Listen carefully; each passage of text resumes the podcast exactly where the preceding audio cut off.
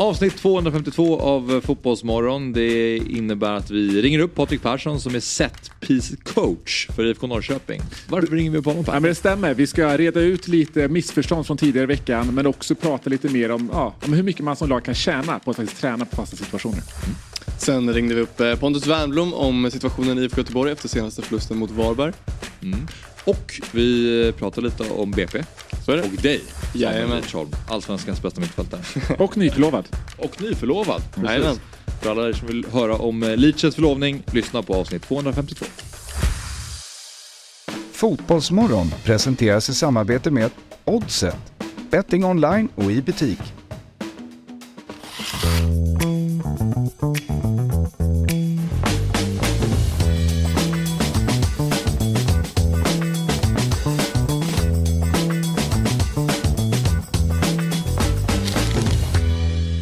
God morgon och varmt välkomna till Fotbollsmorgon avsnitt 252 med eh, mig Axel Insulander, Per Frykebrant och Samuel Lidsholm idag. Mm. Kul att ha dig här. Kul att vara här.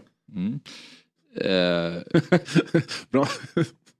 Jag, tyckte, det blev stel, eh, stelt. Jaha, men det kanske inte var. Det kanske inte var. Ja, nej, det, var helt normalt. kändes det bekvämt. Ja, bra. Det är bara jag. Ja. Men vi är så nära Ja, ja, det är klart det framgår. Ja. Eh, hur mår du annars då Per? Nej, men jag är ju upp, uppenbarligen på bra humör. Ja, Ja. Det är tension i rummet. Exakt, Ja. exakt. Jag har liksom verkligen känselspröna utåt eh, idag.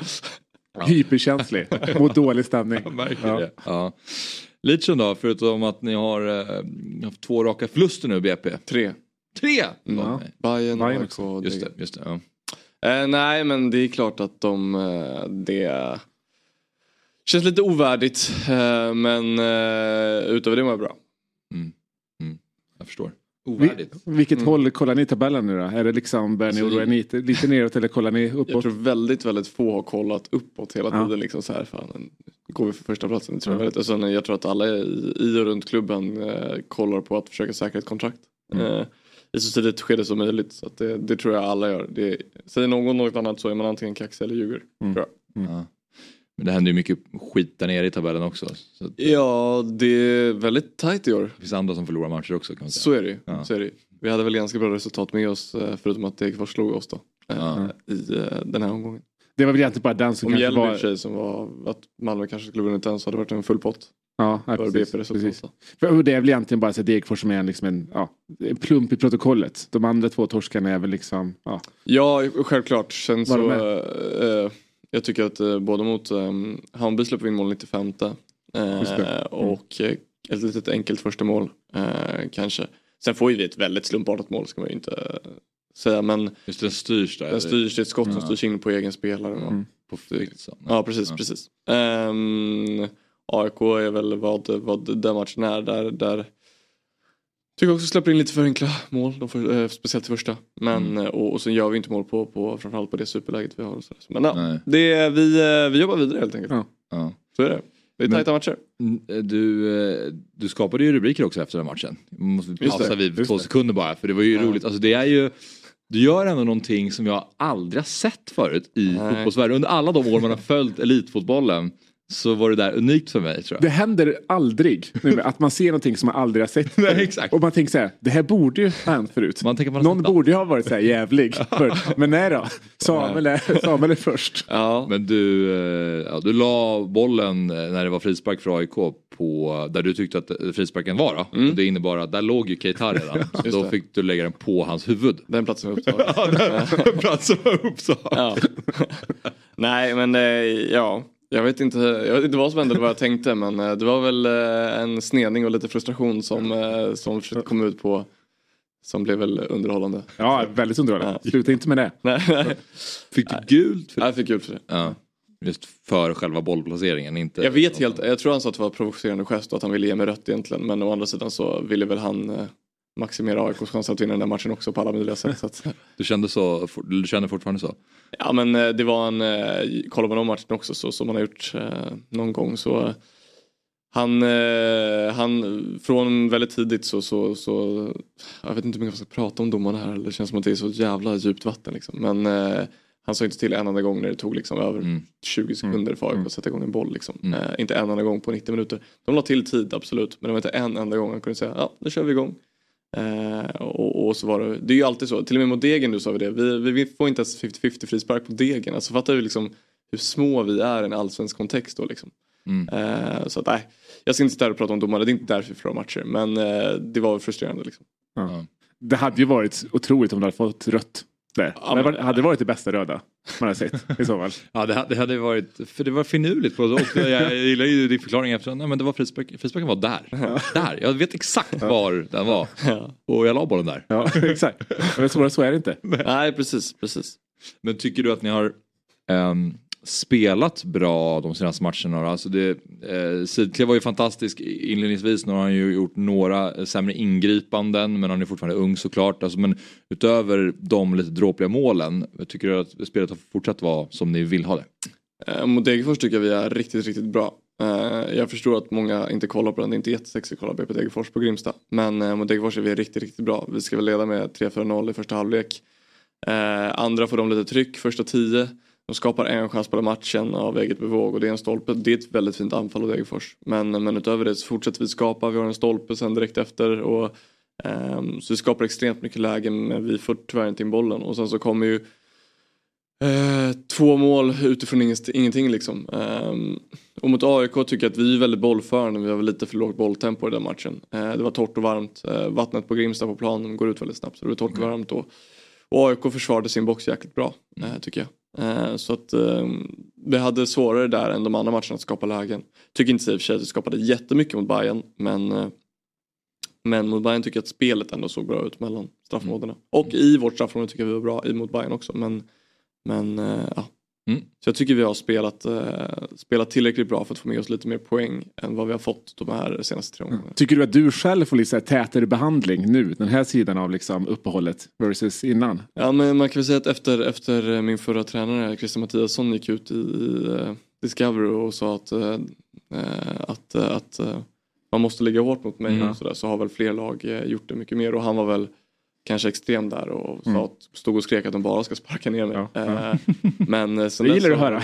ja, nej men sen dess så, så eh, jag skulle inte säga att folk följer efter mig men det är väl folk som försöker hålla koll lite mer. Ja, nej, men rimligt. Mm. Ja, vi ska återkomma till Allsvenskan senare i dagens Fotbollsmorgon men du har också förlovat dig. Mm. Måste vi gratulera. Tack snälla. Stort grattis. Tack. Tack. Gjorde du det samma dag som någon match? ja, jag gjorde det efter torsken mot Degerfors. Ja det var det va? ja. Jag tänkte så här, jag såg det på Instagram, men vänta spelar inte Samuel match idag?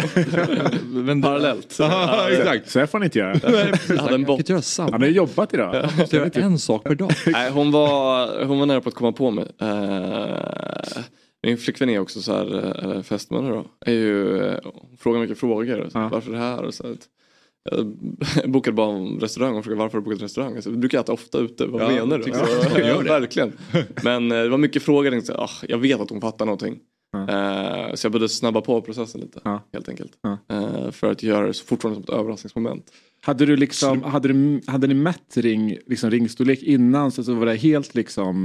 Var hon, helt... Sa, hon sa oh. för några veckor sedan typ så här om det är på gång, hon har pratat om liksom frieri och bröllop ja. i uh, väldigt länge. Ja. Uh, om det är på gång så är det här min storlek. Hon bara bröstar ut sig så slipper du fråga. Det blir så jobbigt om du ska fråga. Så ja. Då går jag också och korrigerar ringen till den storleken eller fixar ringen till den storleken. Då är den för stor så hon sa ju fel storlek. Så att, uh, mm. vi lämnade in den igår igen till ah, rätt då. Så hon hade inte rätt storlek där.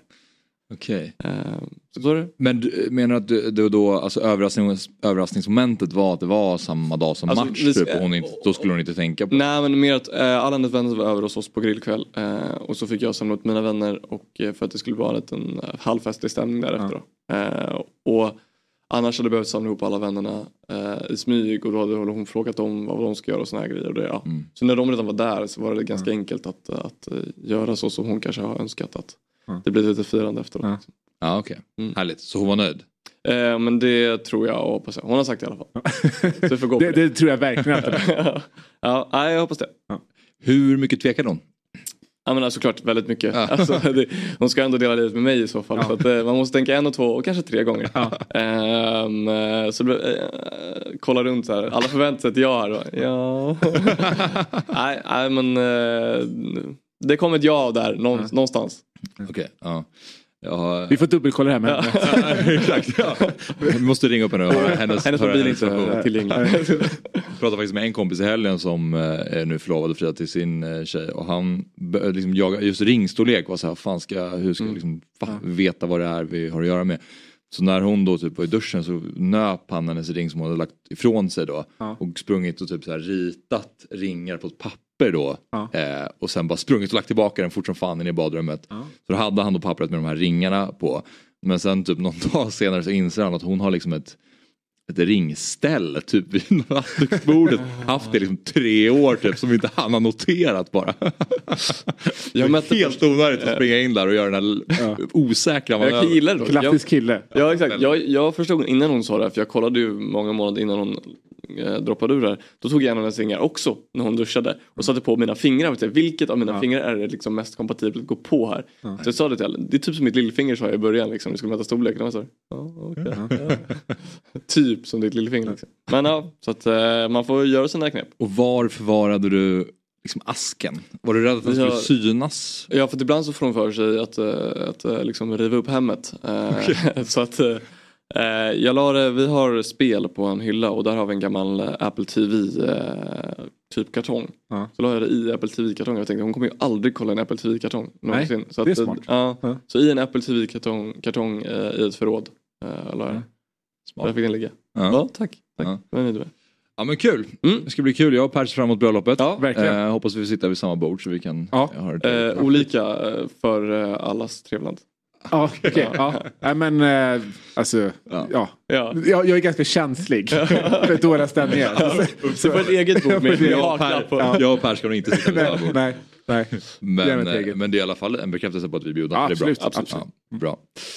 Ehm, det är eh, så här att dagens fotbollsmorgon kommer utgöras av några olika samtal. Vi ska om eh, fem minuter prata med Patrik Persson som eh, jobbar eh, med set pieces för IFK Norrköping. Mhm. För att eh, Per, han menar att du var lite ute på cykeln här i måndags. Ja. Vi pratade om eh, statistik och fast situationer. Får man inte höfta med siffror längre?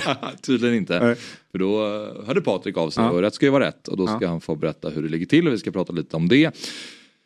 Igår försökte vi få tag på någon blåvitt representant. Eh, Det var ingen som nappade men nu har vi fått tag på Pontus Wernbloom i alla fall. Så 8.30 så ska vi prata lite mer om IFK Göteborg och vad han tänker hur de ska ta sig ur den här krisen. Det känns ganska eh, hopplöst där nu och eh, det är inte så många som har någon tillförsikt nej, kring hur de ska ta sig ur det här. precis. Sen så känns ju inte de här, eh, vad ska man säga, kvartssamtalen med supportrarna känns ju inte jättekonstruktiva. Alltså jag eh, var flika in där. Jag spelade i Dalkurd ett halvår och vi åkte ur via kval ner eh, från Superettan till division 1. Men då hade vi eh, i typ eh, åtta veckors tid hade de varje dag så kom Ja. de till träningarna 11 pers kanske. Ja. Så ville de prata med oss innan träningarna. Eh, och då stod hela vårt lag så här, och kollade på dem och så skulle de berätta typ så här Ja, ni måste förstå att vi älskar den här klubben. Alltså, det är inte så att vi vill förlora. Nej. Alltså, tro mig, alltså, folk här har, försöker också ha karriärer som Ja. så här, ska gå Mm. bra och vi vill vinna för att Mm. stanna och sådär. Liksom. Men varje dag, och jag tänkte så här, jag tror inte de förstår hur lite det här ger. Nej. nej. Ehm, med det sagt så kanske Göteborgs eh, supportrar är lite bättre på den typen av surr. Men jag, tyck, jag, Jag, jag, tror att att någon, jag tror inte att någon är lite. speciellt liksom konstruktiv i den Nej. situationen. Nej. Alltså, när man såg de här klippen från eh, kvartssamtalet så var det här i, i förrgår. De skrek liksom på Marcus Berg. Ja, vad, fa- vad fan ska du göra? Du har inte ens gjort mål sedan Jesus hade shorts. Mm. Eller sen Jesus hade badbyxor. ja. tack. Jag tar den feedbacken. Ja. Eh, eh, se vad jag kan göra med den. Och de har ju haft några kvartssamtal nu och samma med, med AIK till exempel som också har kämpat och de här kvartssamtalen de kanske inte det har inte blivit en seger matchen efter eh, Nej. ofta. Nej, alltså jag förstår att supportrar är väldigt frustrerade och supportrar utgör ju svenska klubbar. Både i medlemmar men också i det fantastiska de fantastiska supportrarna vi har men eh, jag tror också man Det är väl bara frustration och kanske lite alkohol i kroppen men eh, det ger det, det ger inte så mycket. Nej, nej exakt. Alltså, man förstår supportrarna som vill visa sina känslor. Man förstår, man förstår spelarna som vill visa att man förstår supportrarna. Ja, ja. Eh, men det blir bara, det är en sån grej som bara Men jag blir förstår liksom- också om spelarna säger typ så här, ja men de har rätt och vi förstår dem och liksom nu jävlar typ så här. Jag förstår ju att de också bara säger det. Ja. För att de tänker väl också likadant att det är klart de vill vinna varje match Ja. hela tiden. Ja. Liksom, och försöker väl sitt bästa. Ja. Mm. Nej, precis. precis. Temadag idag. Eh, kan vi kort ta innan vi pratar med Patrik då. Det är um, fulhetens dag. Under dagen uppmuntras människor att sluta jaga efter det perfekta utseendet och istället fokusera på att vara nöjda med sig själva precis som de är. Det handlar om att acceptera och älska varje aspekt av ens utseende oavsett om det är olikheter, är celluliter eller andras, andra egenskaper som inte passar in i det traditionella skönhetsidealet. Så idag på fulhetens dag, så sitter vi här. uppmanas vi alla att omfamna vår egen skönhet och uppmuntra andra att göra detsamma. Ja, varför kollar du på mig? Men tack. tack. Ja. Eh, Den enda singeln här i bordet tar, tar passningen. Eh, Precis, Per, det här är ju en temadag som, det här är en temadag som passar dig jättebra Per. Ja, nej, men verkligen. Jag ska Vi måste ha in Per här det. på onsdag. Är jätteviktigt. Exakt, exakt. Jag skulle egentligen inte varit med idag. Men av någon anledning tjatar ni in mig. Ja, Precis. Nej, men så tänk på det här Ja, under dagen Per. absolut. Att, absolut. eh, Jag ska runt och säga det också mycket. kom ihåg att du måste älska varje aspekt av ditt Ja, utseende. ja. Mm. Absolut. Jag ska kolla mig i spegeln sen. Eller så kanske jag inte ska göra det. Det är kanske det man inte ska göra. I grund och botten är det väl en, en fin dag egentligen. Ja, ja. Men eh, nu så har vi med oss en gäst, ser vi här. Och eh, bara för att förtydliga här, alltså i måndags när vi pratade om eh, Mjällbys seger mot Malmö så pratade vi med Anders Tos- Torstensson. Svårt att säga det där namnet. Ja, eller hur? Det hade det i Han får, han får nog byta. Torst. Ja, ja. Torstensson. Eh, och vi pratade om deras effektivitet på fasta situationer och i diskussionen nämndes även hur Mittjylland lyckats bli framgångsrika på dessa. Och då nämnde du Per att ett av 30 mål kommer på fasta och att Mittjylland kom upp till att göra 25 procent av sina mål siffrorna lite där. på dessa situationer. Det är en Ja. av 30 Jag är inte heller hörnor. bra på siffror. En av 30 hörnor. Ja, och den eh, vanliga tittaren som följde programmet kanske inte reagerade men efter inspelning så trillade ett mejl in till redaktionen med en tillrättavisning. Och den kom då från Patrik Persson som är set pieces coach i IFK Norrköping med ett förflutet i, i Blåvitt och Sarpsborg eh, dessutom. Så vi har honom med oss nu och vi säger god morgon och välkommen till Fotbollsmorgon Patrik. God morgon. Tack, roligt att få vara med. Eh, det är kul att ha dig här och eh, har Pers rättelse här, blir det rätt då när, när Per ska försöka rätta till det här? Ja, han är som en katt. Han ändrade så landade han på fötterna till slut ändå. Ja, Okej, skönt. jag, jag gör det bra ändå. Ja. Men jag hade, jag hade fel på Mittjylland. De var ju mycket bättre. Ja. Ja, nej men om vi ska börja med det första då. Det, Ja. Jag var på gymmet där då och i, i Norrköping och så lyssnade jag på och eh, när du sa det att ett mål på 30 blir från fasta situationer, då fick jag lite så flashback. Det var, det var en, en politiker för ett av Sveriges största partier som, som stod i riksdagen och sa ehm, 40 000 euro, vet ni hur mycket pengar det är? Det motsvarar 400 000 miljarder kronor. Och det var lite så jag kände att nej, nu måste vi nog Det, det var lite det jag ville åt också. Ja. så att det, det är ett mål på, eller det är tre mål på tio ungefär som blir fasta situationer. Och ska man eh, generalisera lite så ska man säga att det är ett mål på straff, ett mål på hörna och ett mål på övriga. Då. Typ frisparkar, inkast, eh, avspark, inspark vad det kan vara. Så att eh, ungefär ett mål eh, vart tredje om man räknar lite grovt det. Och sen så Midtjylland, där, de var ju jätteduktiga på det. De satsade väldigt mycket på det och det var faktiskt eh, eh vår headcoach nu, Glenn Ridderholm då, som var i Midtjylland som, som drog igång den där processen och de, de kom ju upp till varannat mål. Så 50 procent av målen de gjorde ungefär på sin framgångsrika tid där kom från fasta situationer. Och även mycket i Europa. Och Midtjylland och, och Brentford har ju det här samarbetet. Så de, de har ju skickat vidare många set pieces coacher ut, ut i eh, Europa och, och Premier League. City och Arsenal bland annat eh, tagit från, från Midtjylland och Brentford. Och även tyska, tyska landslaget, Die Mannschaft, har en kille som heter Mats Puttgereit som, är, som var Danmarks set pieces coach som lyckades väldigt bra där i EM. Så att det, jag, jag tror det är en framtid som vi går till mötes, även fast vi i Sverige inte lika, lika långt fram som Danmark på, på den biten just nu. Mm. Vad ligger eh, IFK Norrköping på?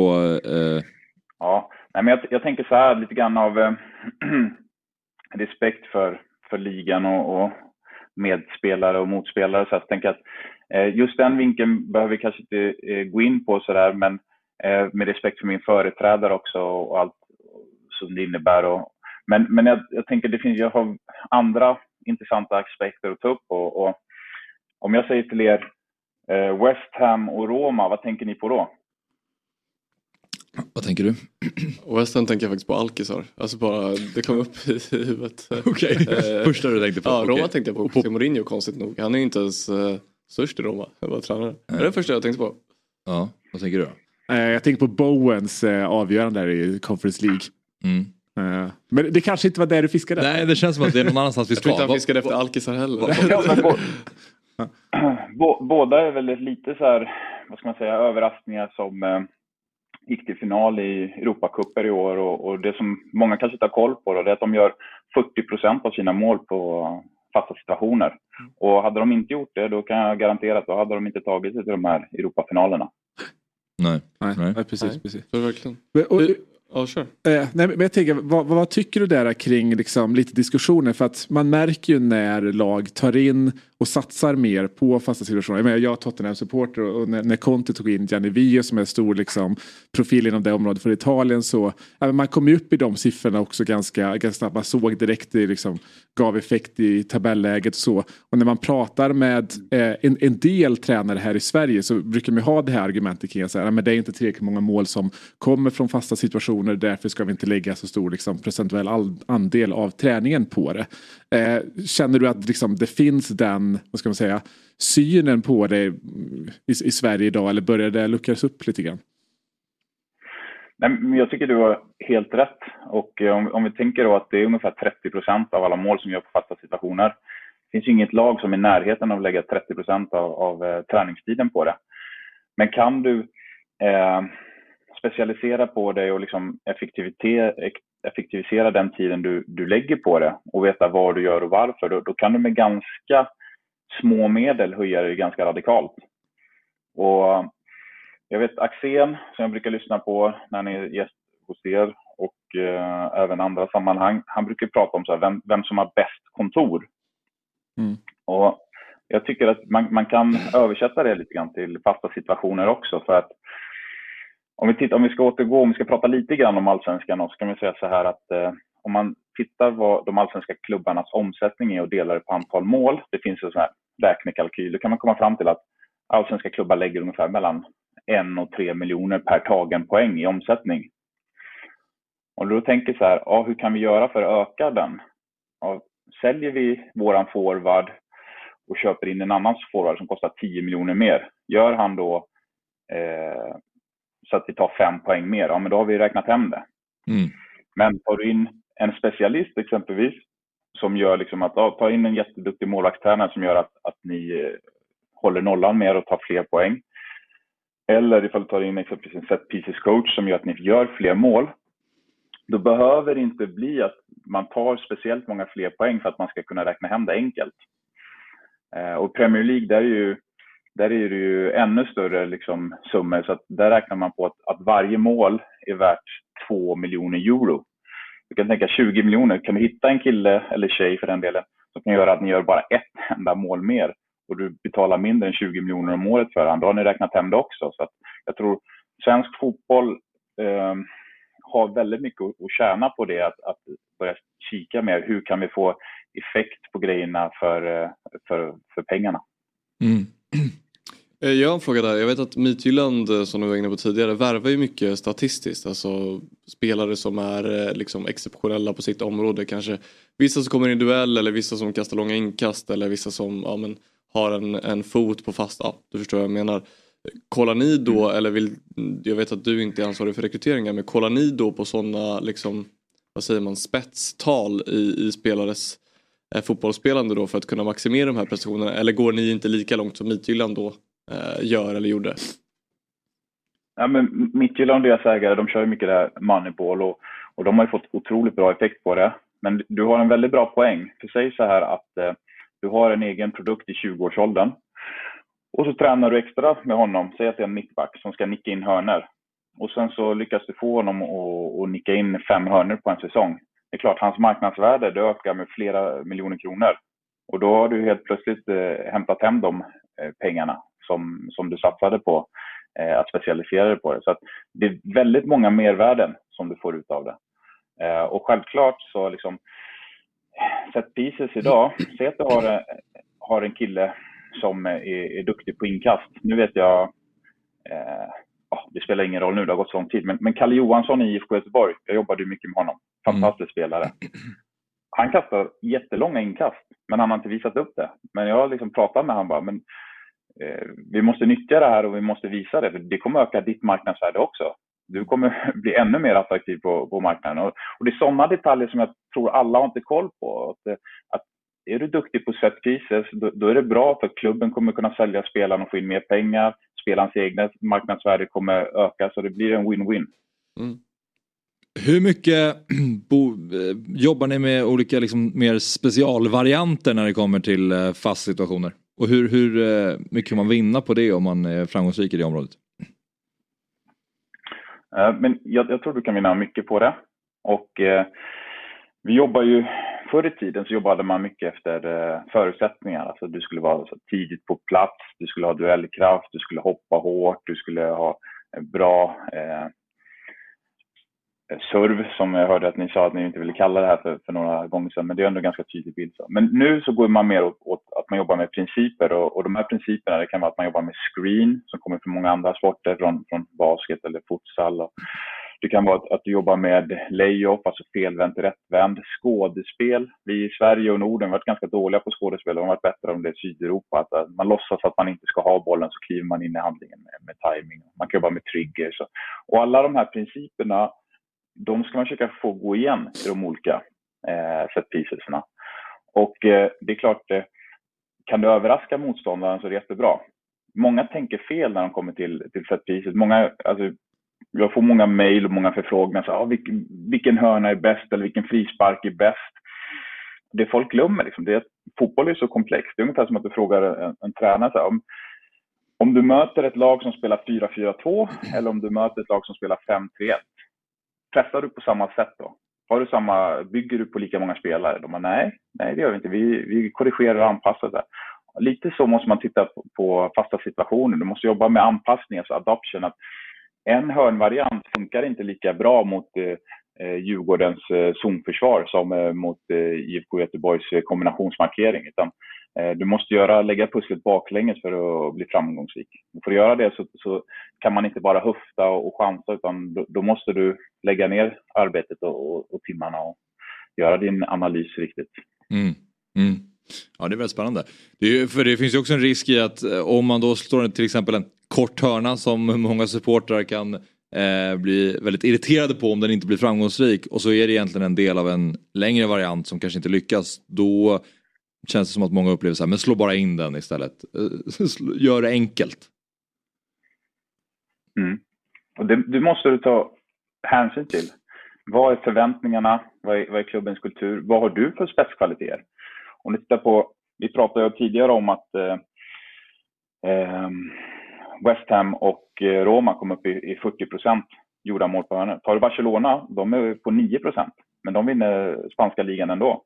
Du måste titta vad ditt lag har för, för karaktär. Jag tror att det finns vissa X-faktorer. Jag säger inte att, att fasta situationer är, är, det viktigaste. Jag säger inte att det är det bästa, men det, i många fall kan det vara det avgörande beroende på ditt lags karaktär. I Barcelonas fall är det inte.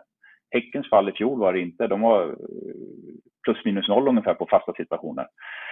Ska du titta på um, City, ja, de, gör, de gör det bra. De är inte helt beroende av det, men de gör ändå otroligt bra. De gör 25 procent av sina mål från, från fasta situationer och de var nu Champions League och världsledande kan man säga. Eh, så att jag tror det finns inget, inget rätt svar, men däremot så ska du göra en kort hörna, då måste du nog ha tränat på det innan och måste också ha ett syfte. Och, och liksom, förr i tiden när jag var liten, ja, det är kanske inte så långt tillbaka, men då var det ofta så här, bara, ja, men en hand upp i det första stolpen, två händer upp i den andra stolpen. Klassiker. Nu så går det mer åt att du slår en och sen så har du olika utgångar, olika scenarierna beroende på hur motståndarna flyttar. Vad gör de för motdrag? Så att eh, sätt gärna en kort hörna, men då får du ha två till tre olika utgångar beroende på Eh, hur många spelare flyttar motståndarna ut? Vilken yta lämnar den spelaren? Lämnar den en zon? Lämnar den en markering? Så det blir som ett schackspel. Och jag, jag, tycker när Sverige mötte Österrike i förra landskampen, såg ni den? Ja. Mm. Jag tycker Österrike hade gjort det där schackspelet otroligt bra.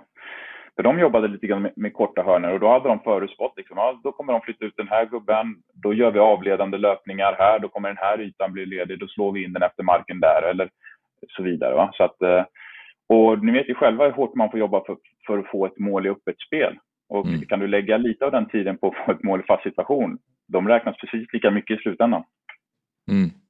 Känns ju så extra viktigt också för typ klubbar som IFK Göteborg och AIK som är lite mer kris. Att det är ett lättare sätt, ja, eller lättare och lättare men ett mer som man kan eh, bygga lätt, ja, på något sätt. Ja, eh, förbereda på ett enklare sätt i alla fall än ett mål i öppet ja. spel. Om man inte har ett annat anfallsspel. Ja liksom men exakt, om det uppenbarligen inte funkar så kanske det man ska vända sig till. Men tycker du Patrik att eh, svenska klubbar generellt jobbar för lite med att eh, träna fast situationer? Lite ledande fråga, men jag, jag, har inte insyn i alla klubbar, hur de jobbar och sådär. Men eh, jag skulle säga eh, att eh, alla minuter ni lägger på det får ni tre gånger så mycket tillbaks. Och du, var inne lite grann på AIK där. Jag jobbar ju med deras sportchef med, chef, Thomas Berntsen där i, i Sarpsborg. Och jag är helt övertygad om att det är en av de stora knapparna han kommer trycka på nu. Att förbättra och lägga tid och kraft på, på fast situation. Ja, Okej, okay. spännande. Gjorde han det mycket i Sarpsborg då? Ja, han var ju, vad ska man säga, eh, det var ju mycket Stare som, som tog in mig där och, och Thomas Berntsen som jag skrev kontrakt med. Och jag menar, hade han inte varit eh, up to date och, och sett hur världsfotbollens eh, utveckling går, då hade han ju sagt nej. Varför ska vi lägga tid och pengar och resurser på, på en sån kraft? Den kompetensen finns redan i, i tränarstaben. Men uppenbarligen så, så är han modern i sitt tänk och jag, jag tror att eh, eh ja, det är en väldigt kompetent sportchef. Mm. Och samma sak, eh, det är ju alltid känsligt när man pratar om, om, om sånt här för att då kanske ja, inte alla andra sportchefer det. Jag lägger ingen värdering. Ponna i Norrköping uppenbarligen också väldigt modern och med att, att jag är där så att jag, jag vill inte trampa någon annan på tårna, jag vill bara säga det. Det förstår jag Patrik. Ja, men det, det, är bra, det var faktiskt jätteintressant att prata om tycker jag. Ja, eh, Spännande. Och tack för att du var med och räddade ut det här då eh, med oss, att siffrorna också blev rätt. Eh, stort tack Patrik och eh, lycka till framöver med, med IFK Norrköping. Ja, tack grabbar. Ni gör ett jättebra jobb och, och hälsa era kollegor som är på semester nu också. Ja, det ska vi göra. Tack, tack så mycket. Tack. Eh, när jag var och jobbade med politik i USA så hade vi en, en det var en politiker som, han far ganska mycket med osanning. Eh, och blev liksom konfronterad på det här var media väldigt ofta. Och han sa alltid att här, det här var not intended to be a factual statement. Okay. Så det, det är det jag ändå ska liksom ha någon form av, kan vi ha bara en bricka här under mig? Så det står alltid bara not intended to be a factual statement. Synnerhet när man sitter och, i, i det här programmet och är med ofta och pratar väldigt mycket. Ja. Så ibland om det bara, man bara slänger ur sig någonting ja. och så om det är det som folk hakar upp på. Så man, fan, det sa jag bara i förbifarten. Det var lite den känslan som det var för dig. Att det, var så här, det här trodde du inte skulle liksom bli analyserat på det sättet. Exakt, exakt. Vi har ju det är med så oss... det är att vara fotbollsspelare. Ja, det är väl så. så här, den där passningen slog jag ju bara lite grann när jag var trött. Måste vi prata bara ut den för skojs skull.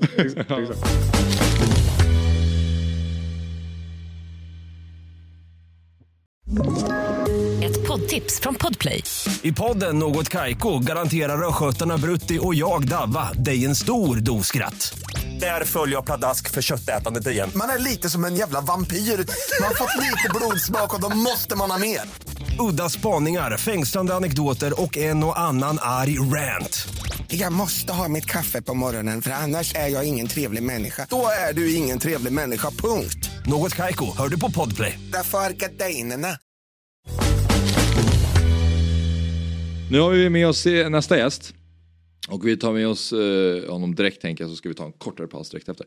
Men eh, han sitter väl i IFK Göteborg, eller i IFK Göteborg, han sitter i Göteborg tänker jag. För eh, vi vill eh, landa lite mer i den här matchen som spelades på Gamla Ullevi mellan IFK Göteborg och Varberg. Och då har vi med oss Pontus Wernblom. Eh, och vi säger god morgon eh, Pontus. God morgon, god morgon. Hur mår du? Jo då, jag mår, jag mår bra. Jag mår bättre än IFK Göteborg får man väl säga. Det, det är väl alla i och för sig. Ja, och, och då låter det ändå lite krasslig. Ja, lite nyvaken ska jag väl villigt erkänna. ja. ja, men hur mådde du eh, måndag kväll vid eh, nio snåret? Ja, jag satt faktiskt på en flygplats och kollade på matchen och jag stängde ner direkt efter 2-0 i ren ilska. Liksom. Jag tyckte det var bland det sämre man har sett eh, IFK prestera i en match som betydde extremt mycket. Liksom. Så att, nej, det var en stor besvikelse såklart. Ja, alltså vad känner du nu Pontus? Vad, vad, vad, vad är vägen ut ur det här för IFK Göteborg? Ja, nej, det har ju varit en, en härdsmälta självförtroendemässigt för spelarna. Det tycker jag man såg sist. De vågar knappt ta bollen. En spelare som Carlén som är en av de som faktiskt klarar sig med godkänt så här långt i år och gör kanske den sämsta insatsen jag sett i en blåvit tröja.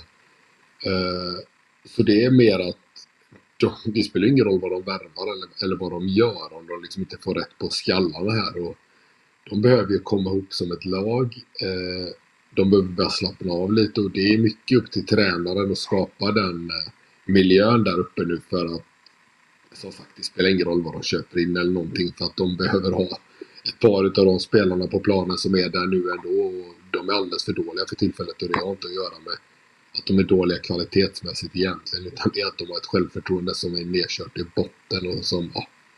Jag har aldrig sett något liknande nästan, att ett helt lag beter sig på det sättet. Nej, så du tror framförallt att det har att göra med bara den, den mentala aspekten av fotbollen, att man måste få folk, spelarna att eh, få lite självförtroende igen? De kan ju inte köpa 11 nya spelare och kicka, och kicka hela truppen. Liksom. Det hade ju varit det enklaste. Såklart. Eh, men eh, ja, det vet ju både ni och vi att, eh, att det inte funkar riktigt så. Utan de måste få, ja, men vet, få, få in lite självförtroende i spelarna. Få dem att vilja spela. Titta till och med Varberg liksom, som ligger sist. Nu har inte de samma press på sig som Blåvitt. Men de vågar hitta trianglar på planen nere på egen tredjedel. Spela sig ur situationen. När Blåvitt kommer där. Det slutar med att bollen eh, kommer upp till rad 16 liksom när någon får den på foten. Och, ja ja jag vet inte vad det är men eh, de behöver få rätt på det och det är snabbt liksom. För det enda som är positivt just nu det är ju att det är 16 matcher kvar tror jag. Det är liksom mm. det enda som finns som är positivt. Utöver det så är det ju totalt mörker. Vad eh, spelmässigt under nya tränaren då? vad har du sett där för tendenser? Vad, vad är det han vill göra med den eh, fotboll han vill spela?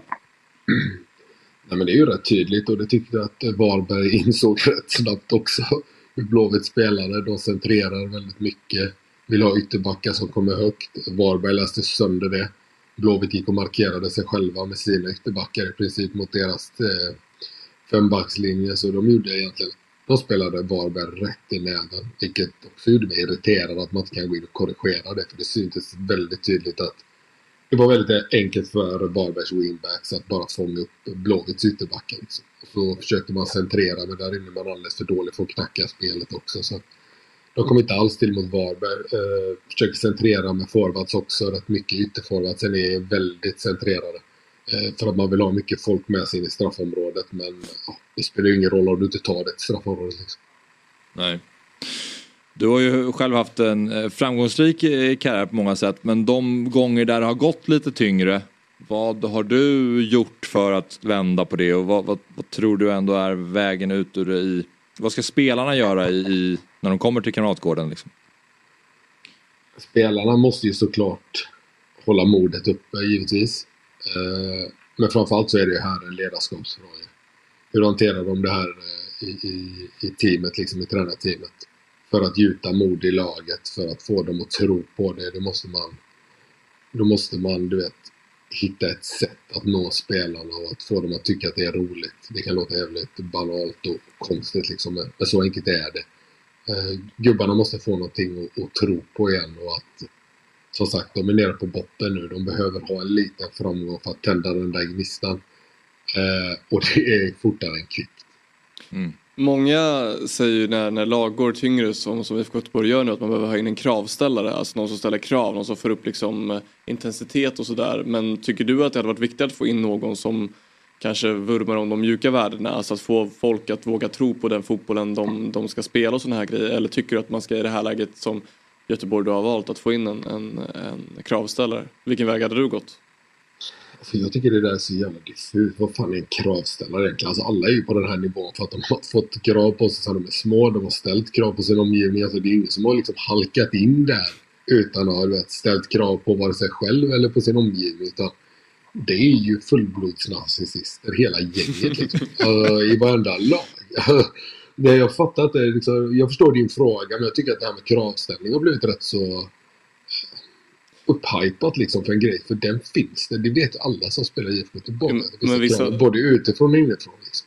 Vissa tränare nischar ju sig själva också som kravställare. Man skulle inte gå här och säga namn. Men vissa har ju helt lagt kanske ledarskapsbiten om det är att liksom de mjuka värdena eller det taktiska åt sidan för att bara liksom ja, men, vara lite hårdare och mana på om du förstår vad jag menar. Vilken typ av ja, tränare precis. det är. Nej, men om jag bara gått min egen karriär, den bästa tränaren jag någonsin haft är den mjukaste tränaren ever. Liksom. Det var en, mm. en ryss. En ryss hade som bara var en mysgubbe. Då hade han ett lag som gick att ställa ut i princip och där laget gjorde sig själv för att det fanns en kravställare, om säga, från laget så att han slapp att göra det. Mm. Det finns även i IFK Göteborg och det finns även det finns i de flesta lag. Så jag tror att mjuka värden är att se personerna, de olika personerna, inte behandla alla lika utan att vara nära sitt lag. Det tror jag är otroligt viktigt. Men sen måste du kunna koppla på och ställa krav såklart om du ser att någon faller utanför den ramen. Eh, det viktigaste i ett lag är egentligen att hålla dem på bänken hyfsat nöjda så att det inte blir att de börjar balla ut på träningarna och så börjar ställa orimliga krav på speltid och så vidare. och så vidare. För det är då det börjar smitta av sig på laget. De som spelar i startelvan brukar ju sällan gnälla för att de är alltid nöjda mer eller mindre. Mm. Ja. Så du tror inte att negativ speed dating på, eller feedback speed dating på Kamratgården och kvartssamtal med supportrar är vägen att vända på den här steken?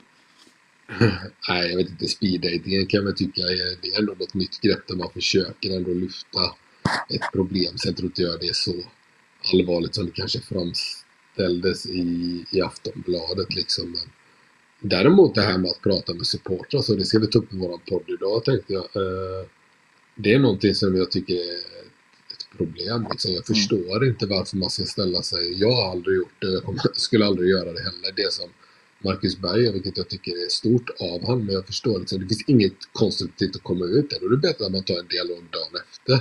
Men att ställa sig på visslan när alla är missnöjda, det skulle jag aldrig göra.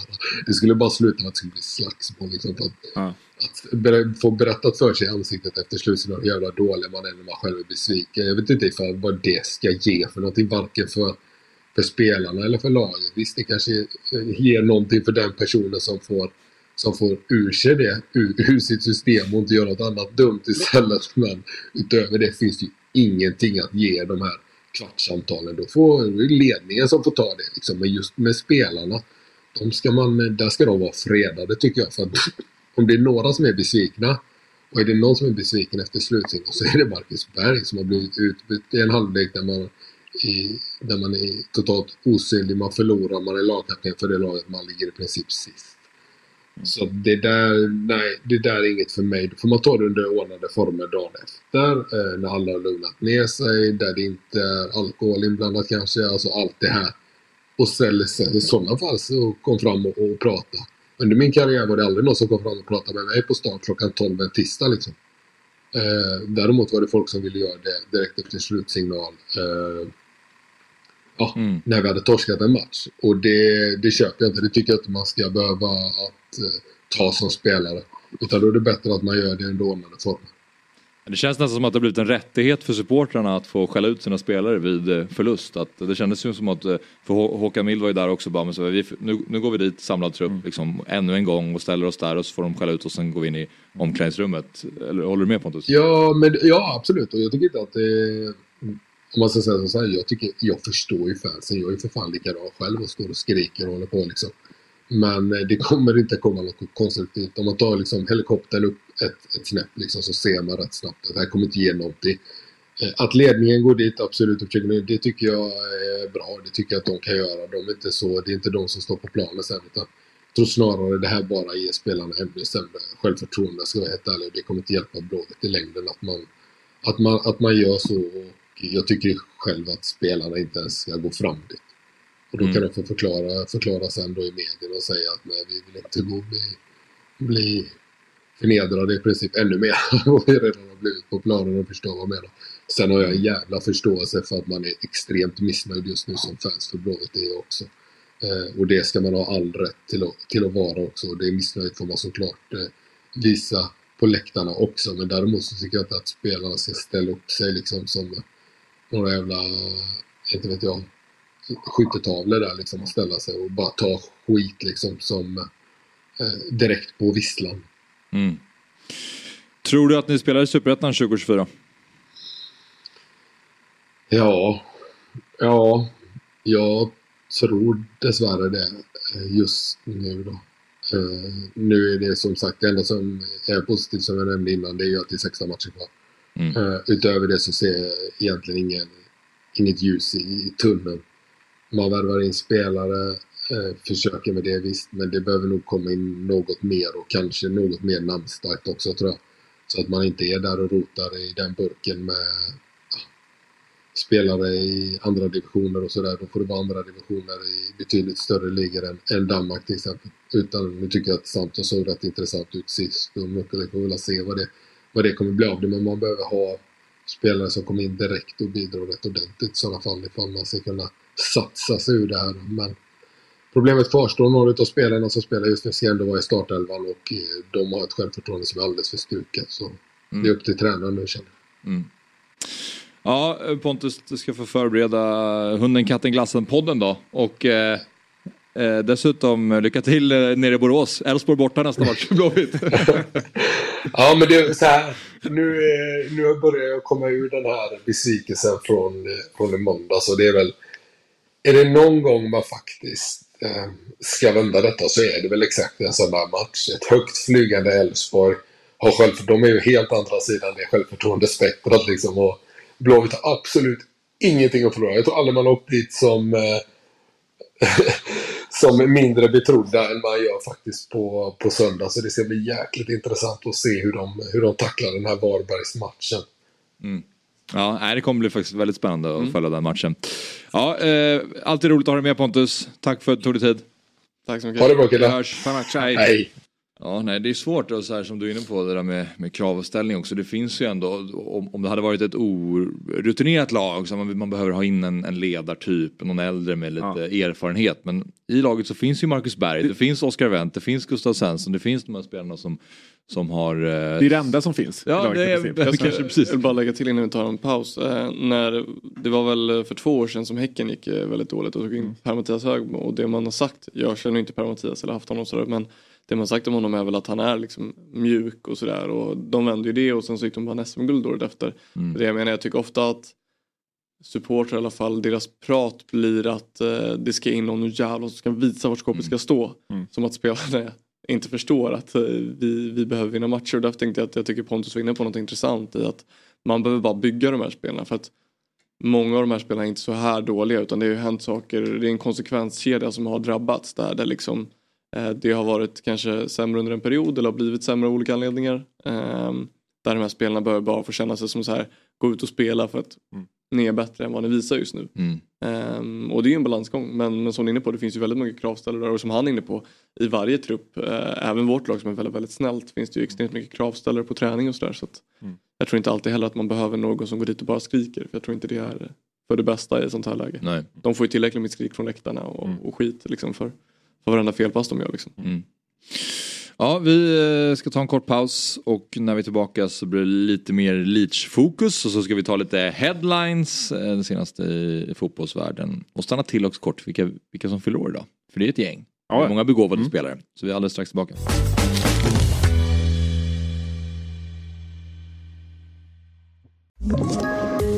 Poddtips från Podplay. I podden Något Kaiko garanterar östgötarna Brutti och jag, Davva, dig en stor dos skratt. Där följer jag pladask för köttätandet igen. Man är lite som en jävla vampyr. Man har fått lite blodsmak och då måste man ha mer. Udda spaningar, fängslande anekdoter och en och annan arg rant. Jag måste ha mitt kaffe på morgonen för annars är jag ingen trevlig människa. Då är du ingen trevlig människa, punkt. Något Kaiko, hör du på Podplay. Därför är Då är vi tillbaka i Fotbollsmorgon. Vi har Samuel Lidsholm med oss. Förra året Superettans bästa mittfältare. I år är han nosar på Allsvenskans bästa mittfältare. Han var med i omgångens elva efter våren. Ja, eh, Fotbollskanalens i alla fall. Det finns ju många olika sådana. Ja, fotbollskanalens i alla fall. Mm, en av dem. En av, en, en av många. Men det tar jag med mig. Ja, sa jag omgångens elva? Ja, ja. Vårens elva. Eh. Säkert någon omgångselva också. Nej det har jag faktiskt inte varit med. Inte? Nej. Det är otroligt att vara med i vårens elva utan att ha varit med i någon av omgångarnas Ja. elvor. Ja, jo Det är absolut. en bedrift. Ja. ja. En hög eh, lägstanivå. Exakt, Bara exakt. Liksom, Men pikar Jämn- aldrig. jämn- nej, nej. aldrig tillräckligt bra men Nej, eh, exakt. för du har ingen kassa i år? nej jag missar straff. Och du bände straff. Ja. Eh, Det är ju när målet... I en vinstmatch. Tydlig. Ja, det är, det är bra. när, när målet kommer, då kommer ju, då kommer ju omgångselva också. Det är ju Ja, ofta det. poängspelarna som eh, hamnar i de där. Lätt, Vi får hoppas på det. lättast att ut dem. Men du hade jävla många skott mot AIK förut. Ja, två va? Ja, okej. Det var- Men det var, det var mina två första skott tror jag på hela året jag ska ärlig. sant. Typ. Det känns som att du skjuter hela tiden tycker jag. Ja men jag skjuter ofta på täckning då. Okej mina två första på mål. ja, men de har inte ens nått fram. Sen hade jag ett nu mot Degerfors också så att eh, jag har fått instruktioner om att skjuta mer så att eh, det ska jag försöka göra. Ja. Ja, för det var ju ändå, även om det inte blev mål så man såg att det finns en högerfot där. Mm. Mm, förhoppningsvis så kanske väl någon går in i mål snart då. Mm. Ja, men eh, vi ska gå igenom vilka som fyller år idag och sen i och med det så ska vi gå in i en headline. Men eh, Leif Loket Olsson fyller 81. Jag vet inte ens om det är. Va? Nej. Är Kanske det- man ser en bild men alltså bara så här höra det. Nu vet jag också att min nya Ja, fästmö kommer lacka. för Hon gillar ju Ja. svenska kändisar men jag, aldrig, alltså, jag har hört namnet tror jag. Men kan, Och gillar svenska kändisar. hade jag kunnat rita Ro, rolig. Om jag säger att jag, gillar, säger att jag hade kunnat rita och skulle rita hur den här personen ser ut. Ja. Alltså, hur som helst. Bingolotto-loket. Exakt. Bing- Bingo Jag tänker på Lasse programledare Kronér hur länge som helst. Ja, men han var väl Ja, innan. är det han äldre som Ja. ofta är lite eh, Mustasch. tanned? Eh, Nej, nej, det kan inte vara någonting. det, det är nog verkligen inte så jag skulle beskriva Leif-loket. Han, han, han har nog inte Nej, sett solen i nej. hans liv. Då vet jag inte vem det är. Nej, men du får kika på Loket. Han fyller 81 i alla fall och vi säger grattis. Ja. Eh, James Rodriguez, 32. Fyller han? Bara 32. Ja, fortfarande ganska ung. Ja. Sen har vi Vinicius som fyller 23. Mm. Sen har vi Luke Shaw som fyller. Eh, 28 kanske? Snyggt. Oj. Mm, Wow. jättebra. bra där. Christian Vieri, vad fyller han då? 46. 50. 50 rätt. Är det så? Alltså, är det, då. lite, lite, lite miniquizalek Så här. måste jag liksom vrida på. Jag undrar om du har kollat i mitt kök. Antonio Casano, Oj, den tar jag inte. 42. 41. Nej! Ja men det hade jag chansen på. Ja. Ja. 2-1. Ja, du får den Samuel. Ja, nej, men vi ska stanna till vid en av de här spelarna och det är nämligen Vinicius som fyller 23 då.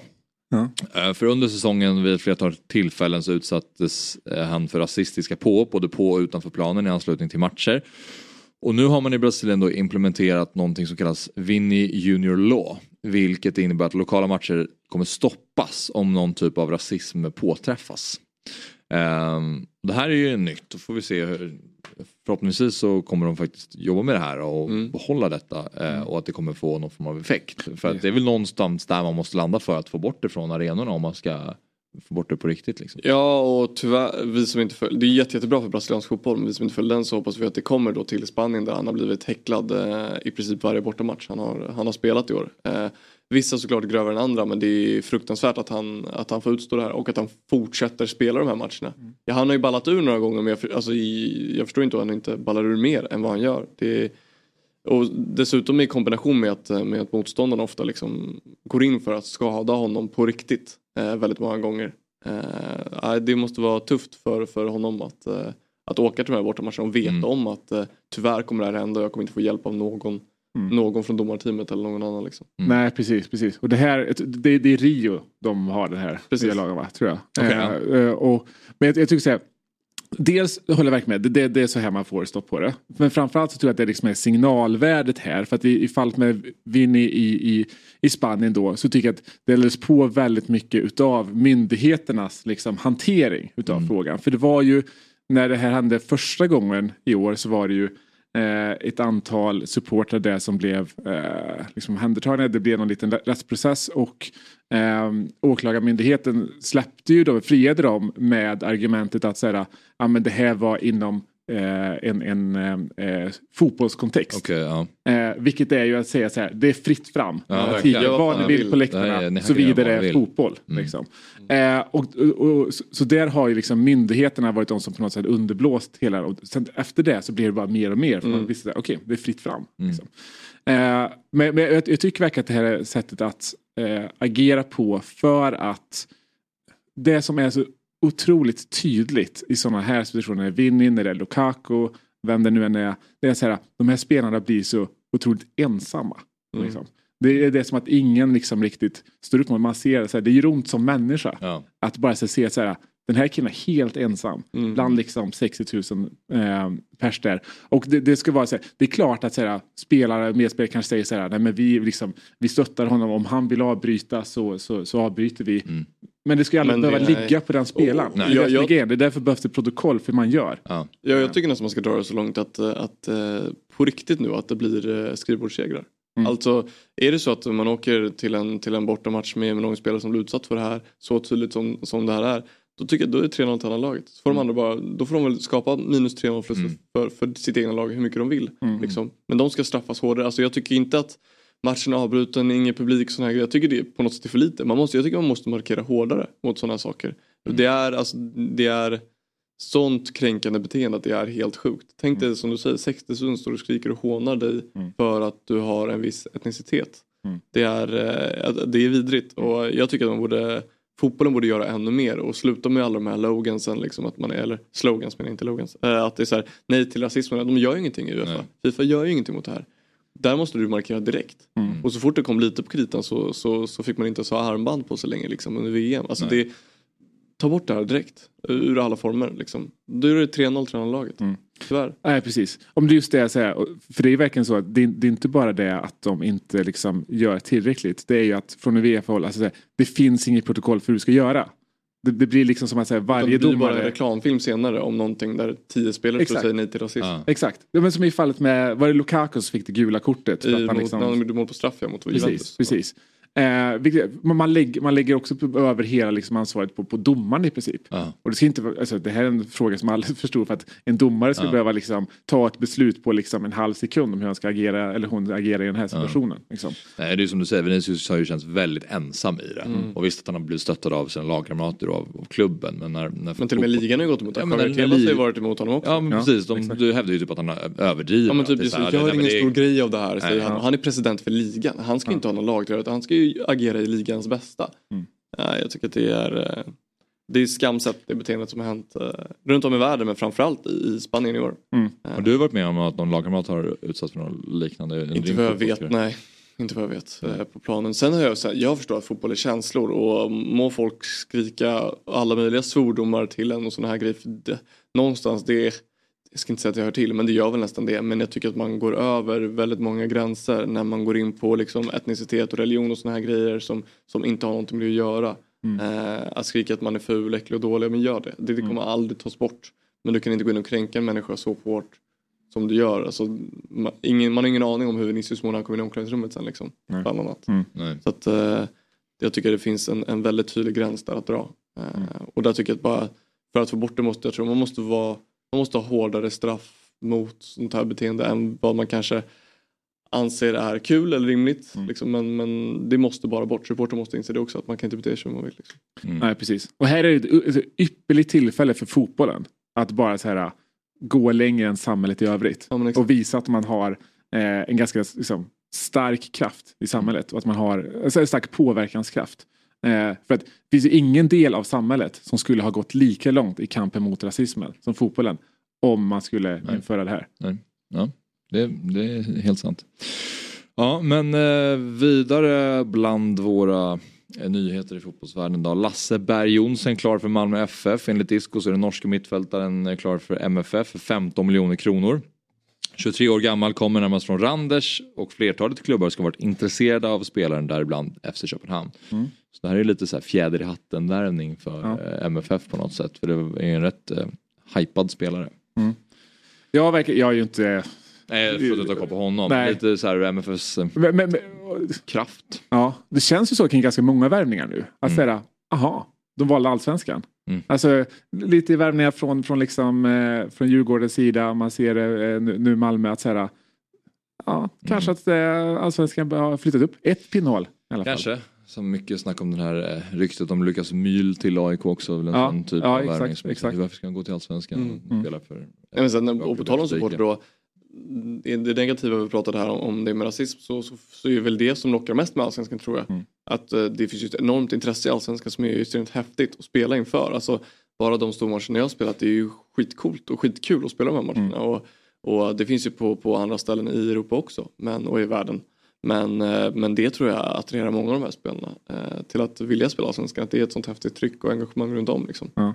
Så att eh, det, där skulle sporten ha ett plus. Att det är en jäkla rörelse som är så extremt häftig. Liksom. Verkligen. Hur pratas det, jag tänker i, i ert omklädningsrum kring sånt som kanske inte är från, från liksom, Sverige eller från svensk fotboll. Liksom, kring eh, det fenomenet. Ja, men- liksom, känns det som en, en eh, men på riktigt starkt argument för att liksom, gå och spela, komma och spela i Allsvenskan? Jag vet, jag vet inte just med våra spelare. Våra spelare eh, jag tycker våra spelare som är utländska är jätteduktiga men Mm. de kanske inte eh, kommer från Austria Wien eller så, här, så att det kanske blir enklare bara att välja en högsta liga i Skandinavien Mm. om man är från Skandinavien. Mm. Liksom. Men eh, många av de här är ju avundsjuka på att det kanske inte ser ut så här i deras Ja. hemort eller vad man ska säga. Ja. Att de är imponerade över hur hur Sverige fått ihop det så, så bra med engagemanget och sådär med tanke på att det, det kanske inte är lika stort publik engagemang i varken Danmark eller Norge då, där vi har flest utländska spelare ifrån. Mm.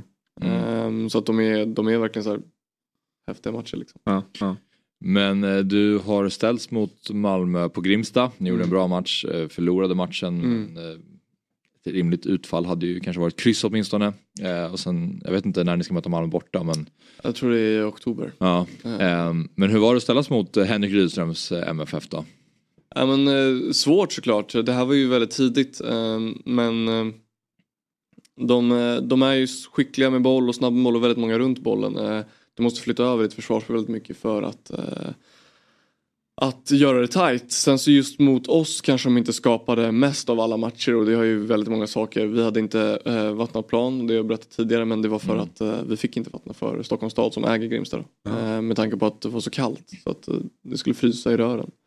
Ehm, Så det gick ju långsamt på Grimsta vilket eh, gjorde väl försvarande lag i det här fallet oss eh, en fördel.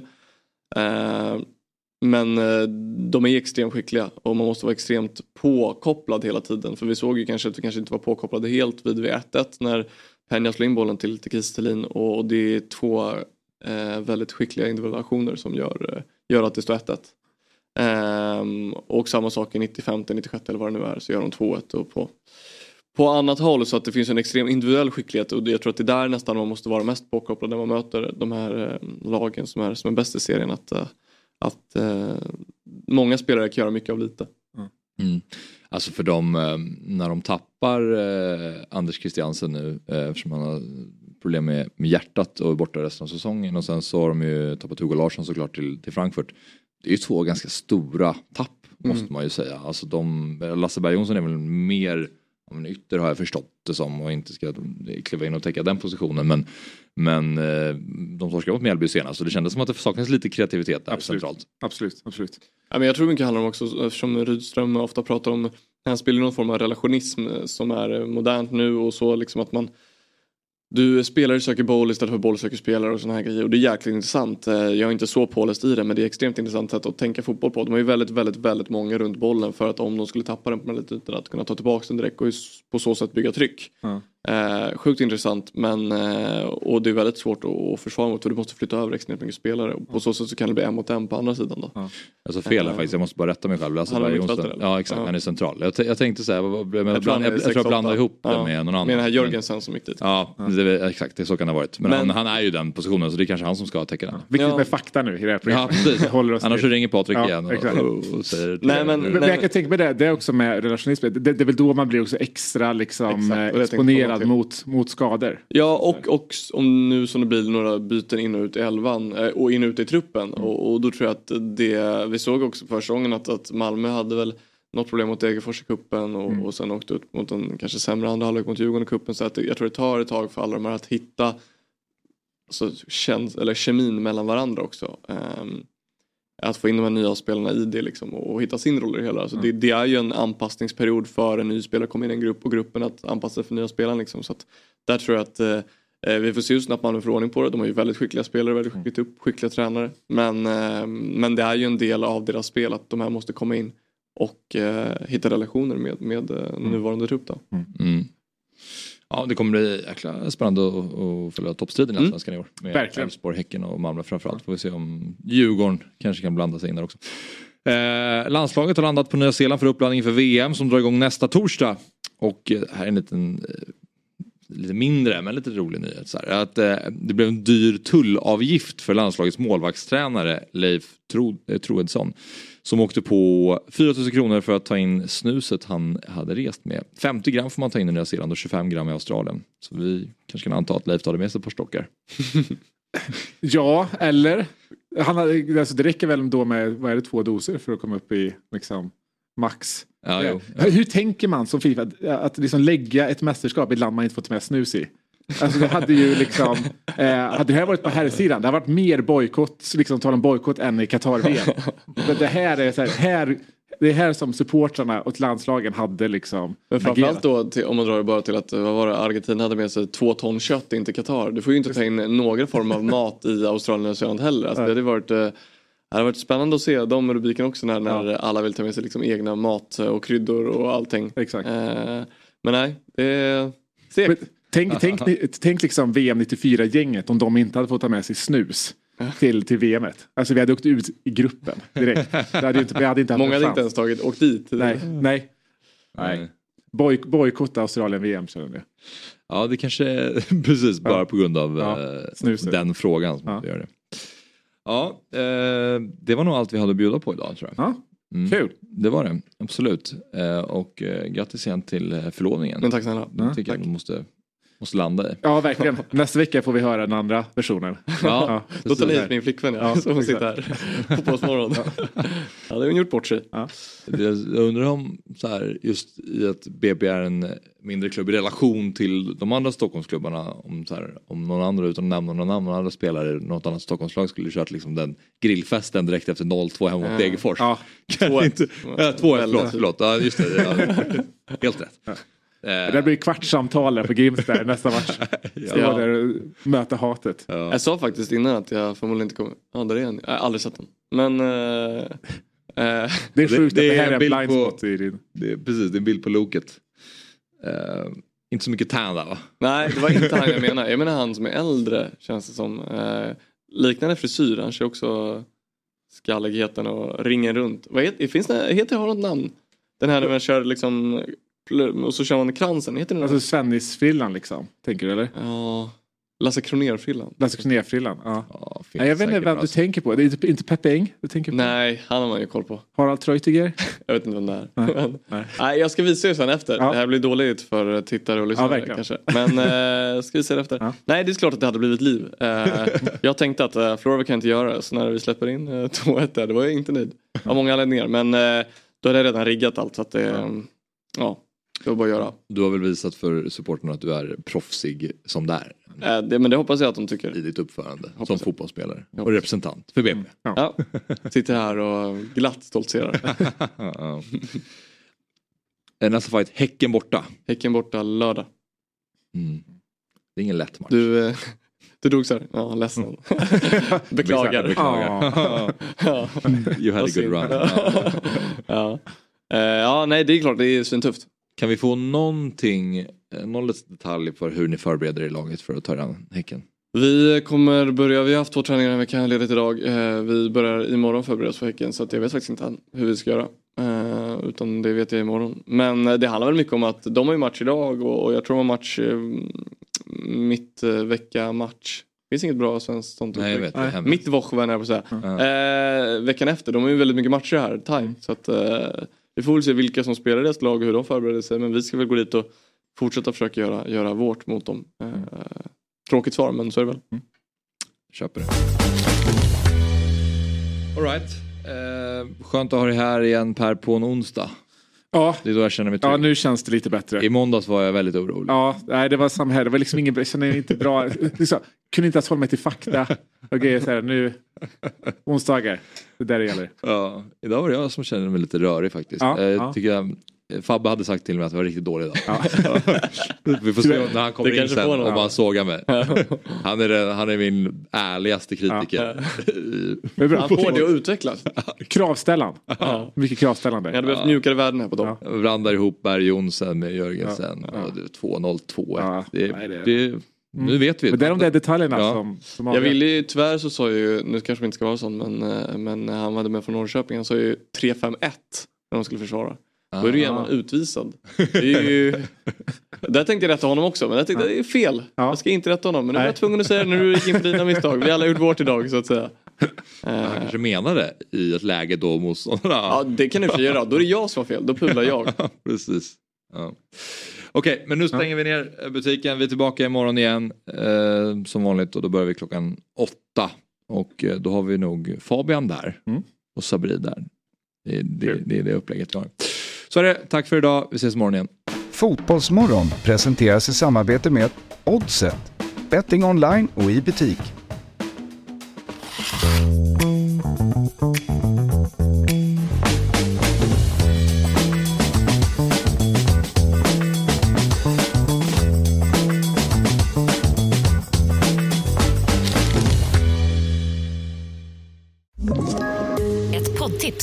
Podplay. I podden Något Kaiko garanterar östgötarna Brutti och jag, Davva, dig en stor dos skratt. Där följer jag pladask för köttätandet igen. Man är lite som en jävla vampyr. Man har fått lite blodsmak och då måste man ha mer. Udda spaningar, fängslande anekdoter och en och annan arg rant. Jag måste ha mitt kaffe på morgonen för annars är jag ingen trevlig människa. Då är du ingen trevlig människa, punkt. Något Kaiko, hör du på Podplay. Därför är gardinerna.